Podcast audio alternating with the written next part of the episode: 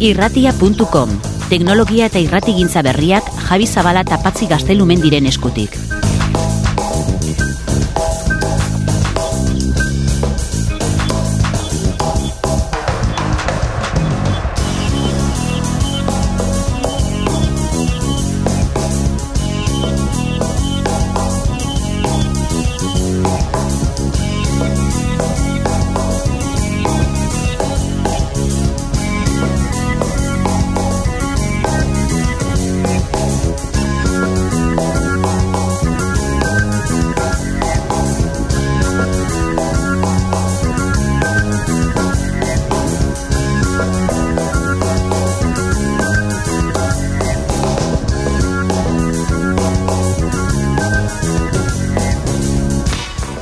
Arratsaldeon, Gabon, hau da irratia.com.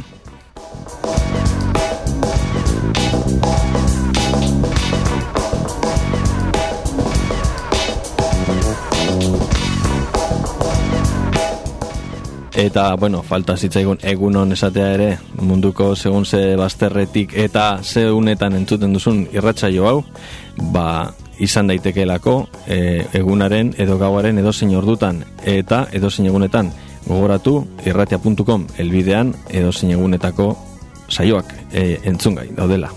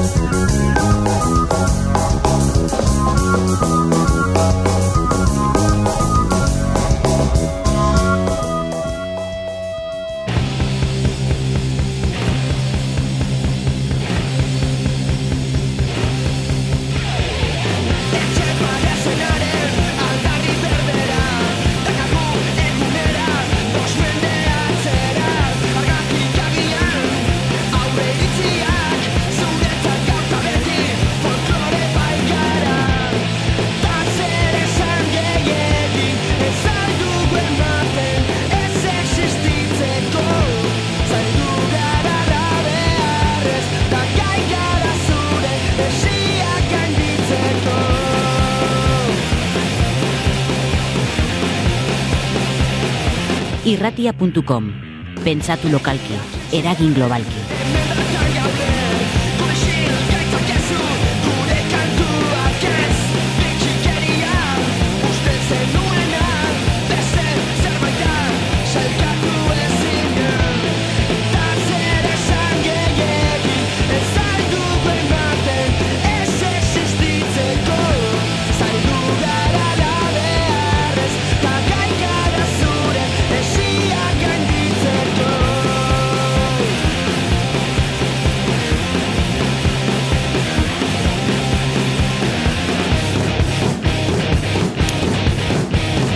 Berritxarrak ari gara entzuten eta bueno, berriak e, momentuz e, zentzu musikalean onak dira. Berri txarrak e, Mikel Urdangarin, Rashid Taja, hainbat eta hainbat e, artista e, izango bait dira. Aurten berriro ere e, eta aurten bigarrenez eletan Euskal Herria zuzenean jaialdean horretaz mintzatuko gara gaurko saioan.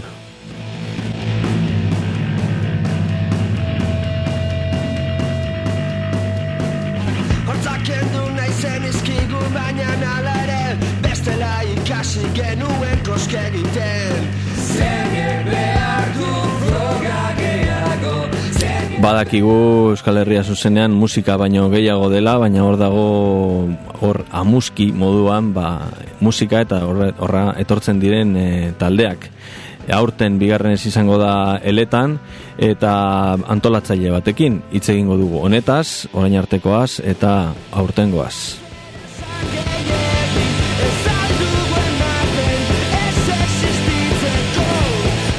Baina bitartean e, aurkeztuko ditugu hemen dauzkagun bi bizitari, bi gonbidatu e, irrati gintza berrien inguruan e, bueno, horrek urbilarazi ditu gure gana eta konta ikusun ere zer, bueno, arratsalde hon, azteko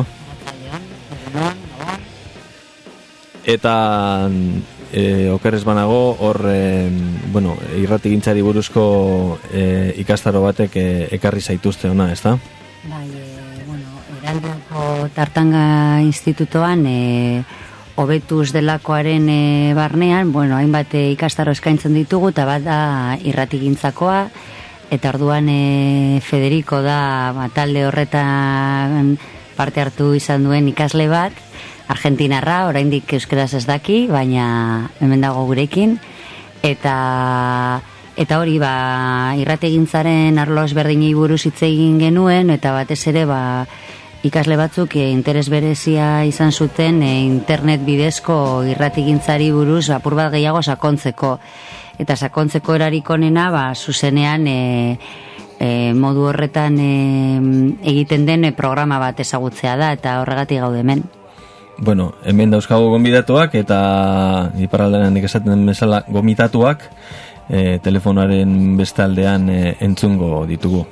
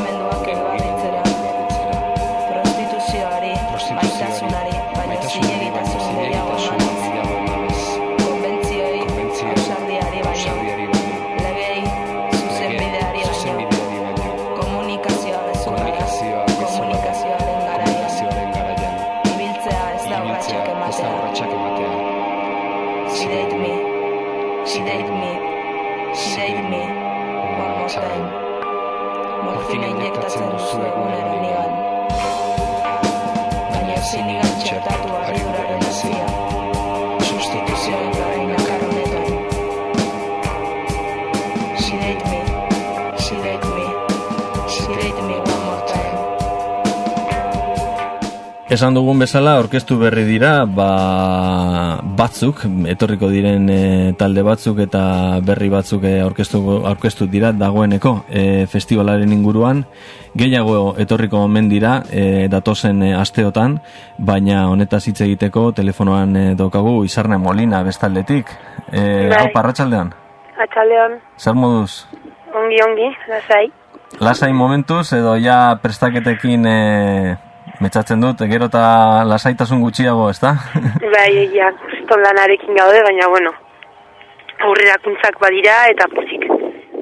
Eletan, bigarren ez aurten Euskal Herria zuzenean, e, jaialdia, eta, mm, bueno, e, iaz bezala, e, eta beti bezala esango nukenik, e, orten amabosgarren ez, e, okerrez banago, bai. ba, ba, gauzak e, ekarpen bat egiteko prest, ekar, e, egiteko gogoarekin e, iparraldeko bizitza kulturalari, ez da? Bai, hori da. Bai, aurten festivalak bera amabost urtak ospatzen ditu. Beraz, bigarren urtea eletan egingo dela festivala eta bai ari gira ba, gauza pixkat potenteago bat e, prestatzen ama bosturtentzako. Oja. Esan dugu musika eta talde ezagunak e, eta esain ezagunak izaten direla deigarriena edo behintzat e, e, jendea erakartzeko ba, modu bat, baina Euskal Herria da zuzenean e, ba, badakigu, ez dela musika jaialdi bat bakarrik ez da? Ez ez da musika jaialdi bat bakarrik, gero ditu egunez, egoten dira erakusketa batzuk, animazio kalea, gero egongo dira urten mintzaldiak antolatuko ditugu, eta hori da, ba, piskat ikusten dugu, ba, e, Euskal Herriko eta batez ere Ipar Euskal Herriko erakusleio bat bezala, borroken erakusleio bat bezala, eta hori da, hiru egunez entzatzen gara, ba, jendea Euskal Legiaren inguruan be, sensibilizatzen berrikuntzari buruz e, hitz egiten duzue e, aurkezpenean eta aurten bigarrenez eletan. Dagoeneko egin duzue ja bilan bat, egin duzue gogoeta bat e, iazkoak e, zer ekarri zuen, ba, Siberuko alde hori utzi eta eta eletan e, eletara etortzearekin, zer, zer bilan egiten duzue horrena? Be, bilan positiboa zegia da idauzen suberuan ezin genuela egin ba, kale animazioak eta ezin genituela egin ze kontzertuak momentu berdinean zeuden eta soinu arazo hori geneukan ze pentsa batean zen eta egia da, be, bilan positibo atera dela eletan, ze ba, kale animazioak zeuden egun osoan, kontzertuak ere pentsean, eta jendeak bazkenean bere karta bat bezala programazioa ikusiz, bere festivala eraikitzen altzuela. Eta azkenan hori eraikina egin nuen, eta lortu dugu be, eletako herriari esker, eletan egin dugulako, eta gure bilana ba, positibo atera da.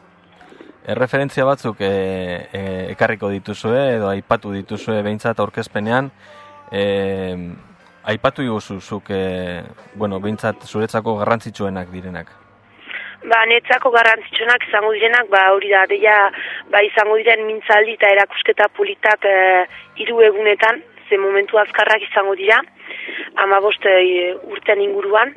Gero, igandean e, azuka, merkatua, elkarten azoka hori uh, pentsean egiten dela igandego izan oso polita izaten da eta gero noski be kontzertu ez ezagun batzuk ba politak izango direnan ustez aurten ere. Eta kontzertuei dagokienez, eh, ba, esate baterako, itoiz, suit?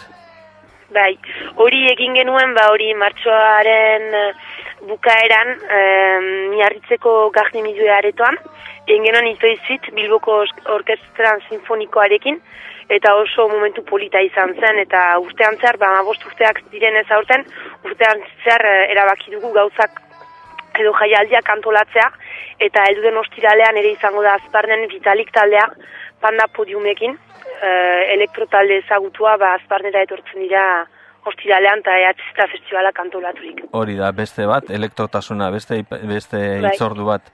E, elektrotasuna nolabait e, ba, jaialdeak berak dituen ba, kasu honetan ba, e, uda hasierako data horietatik e, gaindi bizkat e, beste gauza batzuk egiteko asmoarekin e, sortzen da, ezta? Bai, genuen, ba, hasiera batan elektrotasuna sortu genuen, zugartu ginen, ba, beti musika berdina entzuten zela, eta ba, elektromunduak ez zuela orain dikan ba, bere tokia euskal herrian, bo, bederen eusk, iparre euskal herrian, eta ba, erabaki genuen ba, hori piskat berrikuntza bezala, ba, hori kontzertu hauek antolatzea. Lehen antolatu genuen, ez genuen pentsatu ba, beste segidarik izango genuela, eta azkenean ba, bai, ba, beste talde batzuekin kontaktuetan sartu, eta pozik izan dira etortza azparnera, eta hori, horra piridaren ogita iruan berriro hasten gara horretan eta ja e, ustailaren bitik e, laua, laua e, bitartean izango den e, jaialdi honetan, besteak beste, berritxarrak, gojira, Mikel Urdangarin, goze, rinocerose, rasit, taja, e, aurkeztuko dituzue egunotan e, referentzia gehiago edo nola dago ja e, kartela? Itxita dago? Bai, ez, ez, ez, ez, dago itxita, ez. Hori izango da programazioaren ergia, pentsatu dugu, ba, erdia ematea hasiera batean ba hori april bukaeran edo hola, ja jendeari gustoa emateko eta gure aurre salmentak hasi ditugulako promozio bat eman dugu. Eta ba, gero hemendik ama egunera edo ba, programazioaren beste zatia aurkeztuko dugu jendeari. Eta hori, gero beste referentzia batzuk ere izango dira, ba, hauen tamainikoak eta hori. Eta beste berrikuntza bat, e, bueno, aurten e, ez omen da izango arazorik, e, sarrerak internet bidez e, erosteko, ez da? Ez, ze aurten eman dugu zikeneten, eta beste hori izango da, beste modu bat atseman dugu interneten izango dira salgai, eta hori, errezago atsemateko. uh -huh.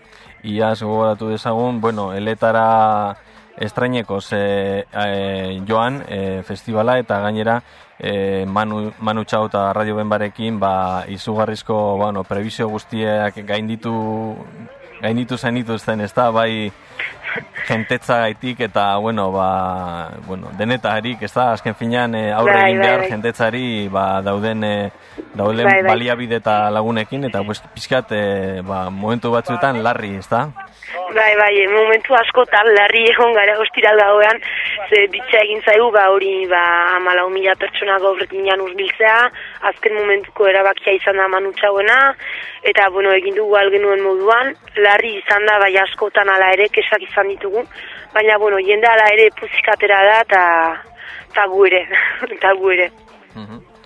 Euskal Herria zuzenean e, ja, dagoeneko amabost urte eta bueno, e, interneten hainbat referentzia Facebook e, badaukazue, Twitterren ere bazaudete hor bai. MySpaceen ere bazaudete bueno, zaudete 2.0 e, baliabide guztiekin, ezta? Bai, entxatzen gira hori dago Carlo sozialat itzen duguna hemen, ba hori ba eratzen aldugun informazio gehiena, ba gure gure arlo sozialetan. Hola, jendeak zuzen izaten du, eta hori komunikatzen dugu ere pixka nahi duguna. hori da. Bueno, e, Euskal Herria zuzenean, festival e, eta elkartea bera, e, Zabala Independientea, engaiatua, posizionatua, e, Euskalduna, bertzalea, herrikoia, feminista, hainbeste, hainbeste e, ezaugarri, e, Euskal Herria zuzeneanek e, dituenak, zer nola kokatzen duzu zuen lana iparraldeko e, realitatean, iparraldeko ba, batez ere gazteen e, arloko errealitatean, eta ze ekarpen e, egiten duela uste duzu? Ba, ekarpena, bodeia kokatzen gara, pizkat, e, jendeak ikusten gaitu ala ere festival Euskaldun bat bezala nahiko militantea, baina hausartzen da etortzen, hausartzen da etortzen ba hori kontzertuetara eta eta modu batean ba entzatzen gara jendea sensibilizatzen ba pizkanaka euskararen inguruan, gero ba e, izaten diren borroken inguruan, izan da dila euskara, feminista, edo zen gauza, entzatzen gara jendea sensibilizatzen eta gure festivaletik ateratzen denean ba begiak irekitzen plan bai ba egia ipar euskalerian hori ere dagola eta ba sensibilizatzen tate minimo horrekin nahi, nahi dugu jende ateatza festivaltik. Beti ez dugu lortzen, baina entzatzen gara hori lortzen. Beti esaten da Euskal Herria zuzenean festivalak egiten duen lana oso oinarrizkoa dela ba, sensibilizazio arlo horretan, ez da? E, jende bai. erdalduna edo frantsestua edo frantsesak e, diren e, asko Euskal munduarekin nolako e, kontakturik ez dutenak behintzat e, arazten dituela pixkat e, festival honek ez da lehengo kontaktu bat e, ba, egiten du posible, ez da? Ba, hori da, zegia, ba, jende hainitz elkartzen dela gure festivalean, eta jende sensibilitate desberdineko jende hainitz elkartzen da, eta hori da puntu positiboan nire ustez, ze hor ba, desberdinan diren jendea topatzen aldira eta gauzak banatu. Eta hori ez da beti gertatzen, eta ustez horrekin bai sensibilitate puntu hori badaukagu. Bueno, bueno, ba hor dago deialdia, Euskal Herria bai. zuzenean e, ba, beti bezala ustaila hasieran, normalean ustaila hasiera ekaina bukaeran bai. izaten da. E, ustailaren kasu honetan ustailaren bitik e, Laura. Lauera, bai, e, hori bai. Eta hor dago, oin danik, momentu honetan bertan e, ba, adibidez sarrera erosteko aukera. Bai, Eta jarraituko duzu, egunetan e, pista gehiago ematen, ez da? Bai, bai, bai, lasterra informazio gehiago izango ja, talden inguruan, nintzalden inguruan, eta prestatzenaren garen guztiaren inguruan. Ba, mila esker, izarne zure testigantzagatik e, eta hor geratzen gara. Kasu honetan Rashid Taja entzuten, Rock de Kasba, eta bai. badakizue, ehz gidoia festivala.com. Hori da. Ondo ibili. Bai, esker jaio.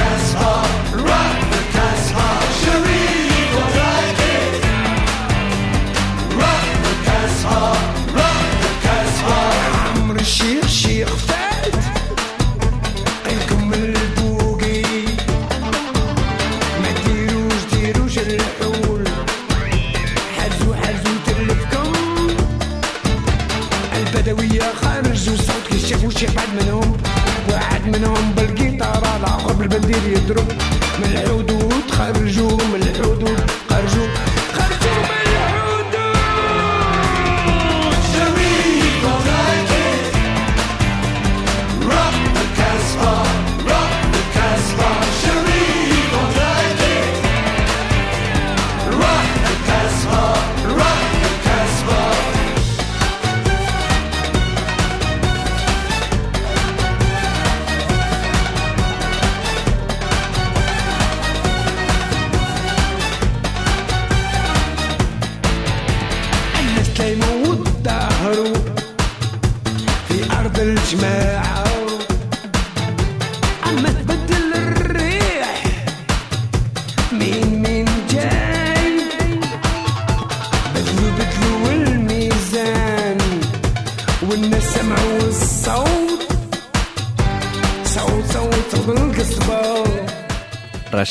Taha, e, bera oranekoa da e, Algeriarra, baina, bueno, Parisko Algeriar horietako bat da, Rashid Taha berrogeta mazortzian jaioa, kaso honetan e, de klasen e, be, abesti oso ezagun bat, rot de kasba.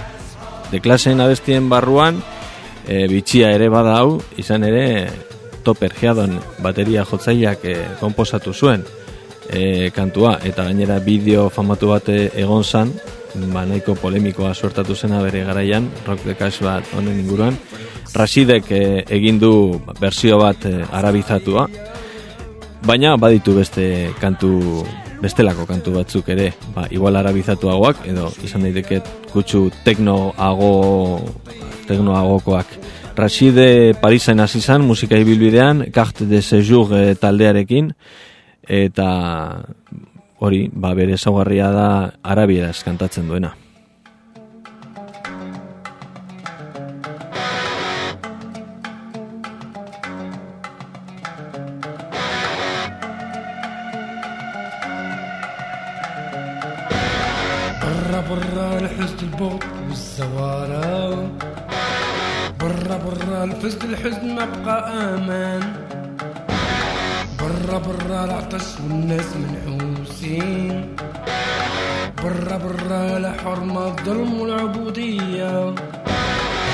برا برا نشف الميدان هلكت أوراق برا برا النجوم تفضل قد الشمس.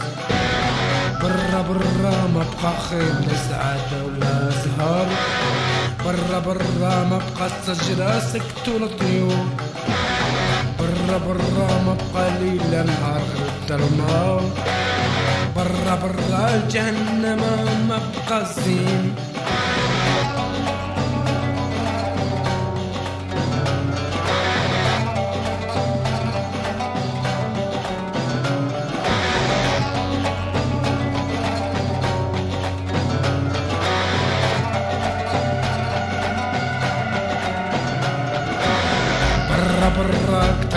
الحمام برماغ برا برا الفست الحق دم التسيل برا برا الحيطان حيطان واقفين. برا برا الخوف. Irratia.com Euskal kultura digitalizatzen, kultura digitala euskalduntzen.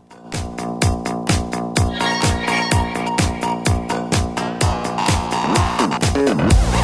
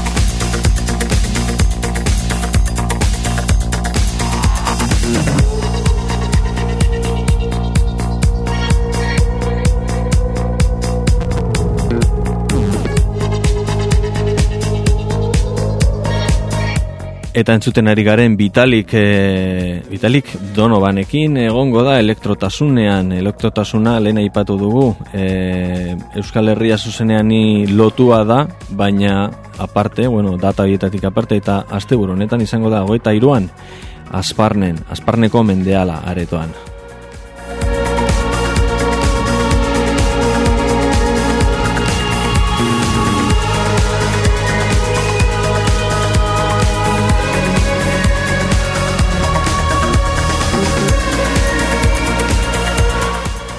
Vitaliken e, eta Donovanen e, manaldi honetarako sarrerak dagoeneko ja era, eros daitezke Euskal Herria Zuzenean Festivalaren e, webgunean eta baita ere biarritzeko atabalen eta elkar, elkardendan ere.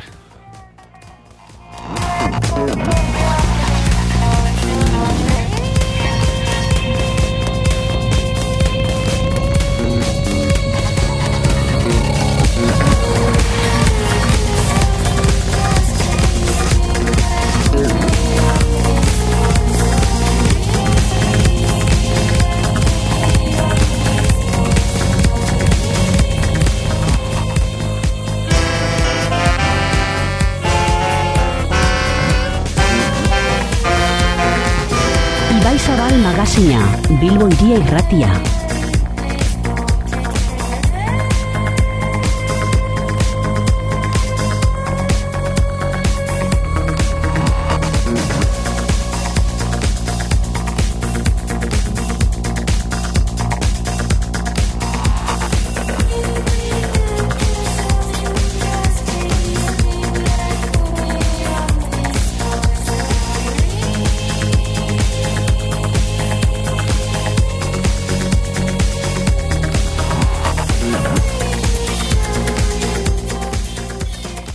irratia.com Euskal kultura digitalizatzen, kultura digitala euskalduntzen.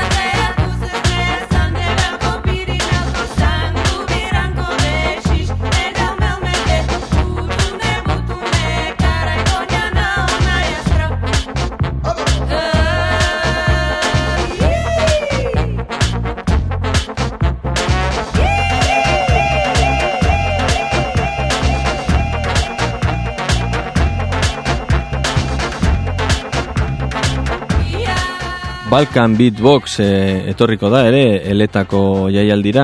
Eta Balkan Beatbox e, bueno, e, entzuten ari gara e, aire balkanikoak dituen taldea da. Balkaniko klezmer e, mota horretako musikan asketa bat egiten dute E, gogor, gogol bordelo taldeko kideoi batzuek e, sortu zuten, berez e, badakizue gogol bordelo ere oso talde famatua dela, klesmer eta balkaniko musika horren e, giro horretan, giro mestizo bat ere izaten da, e, lotura batzuk baituena, ba, regearekin eta horrelako ritmoekin, eta segurazki ba, jai handia izango dela.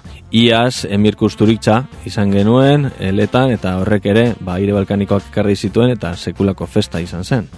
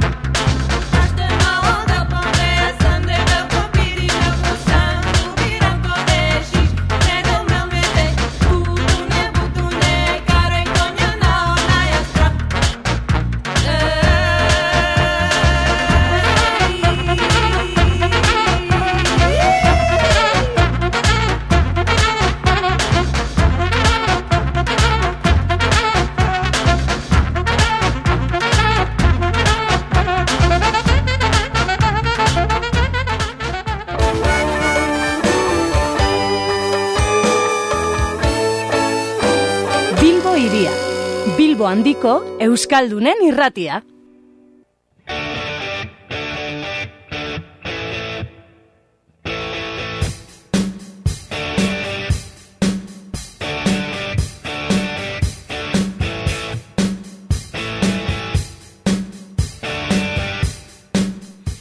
Ez naiz ni nire lagunekin hor gitarra jotzen ez, ez, ez da ICDC bera ere. Bueno, horre tarteko zehose izango da. Highway to Hell.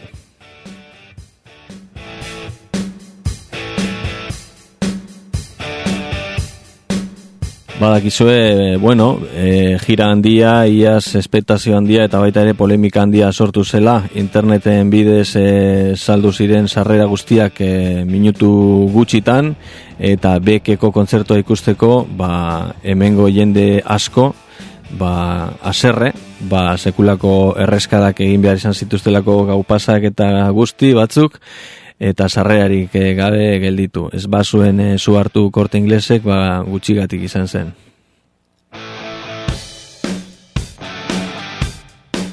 Eta gu ari ginen hemen, zuzenean emititzen e, kort ingles gertatzen ari zena, gogoratzen dugu, ba, berri emaleren bat geneukala horre kort inglesen barruan, eta berak kontatzen zigun nola beltzak ari ziren kargatzen zeigarren planta horretan.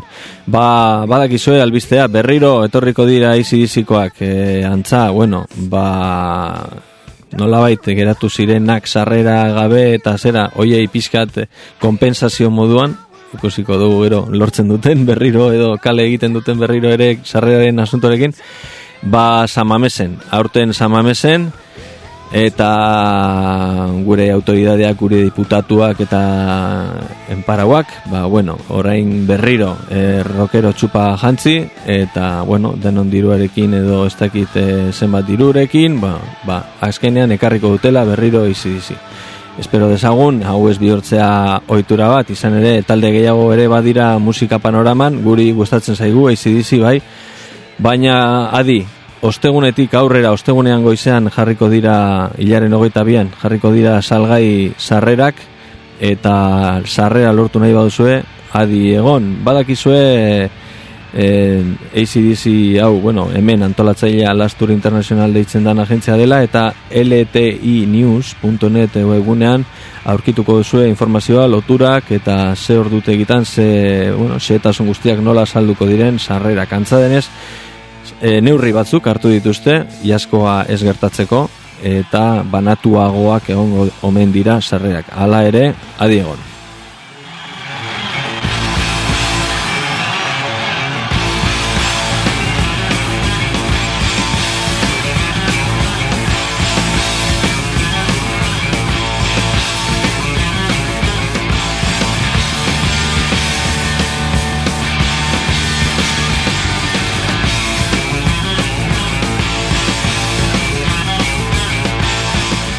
Ari gara irakurtzen hemen e, lasturren e, web, e, webgune hau ltinews.net e, bide batez e, jumlarekin eginda dago jumla softwarearekin eginda dago Euskal Herria zuzeneanen webgunea bezala xe. Eta bueno hori jartzen du ba, esate baterako bezperatik ja ba, antolatuko direla erreska da hoiek hilara hoiek jentea bueno ba, hor labankadarik eta ez egoteko. E, eta osteguneko amarretan, goizeko amarretan, hasiko dira, saltzen sarrerak. E, Mameseko takillak izan ezik, bertan, sar, salmenta goizeko bederatzietan hasiko baita, eta lagun bakoitzeko lau sarrerako tope bat egongo da.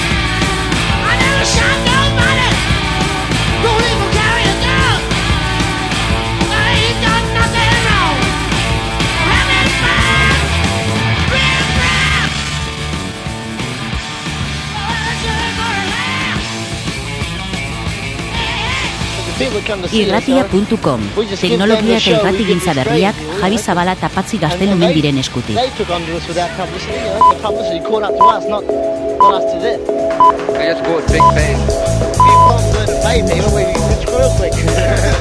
Ah, hotel rooms. Whatever.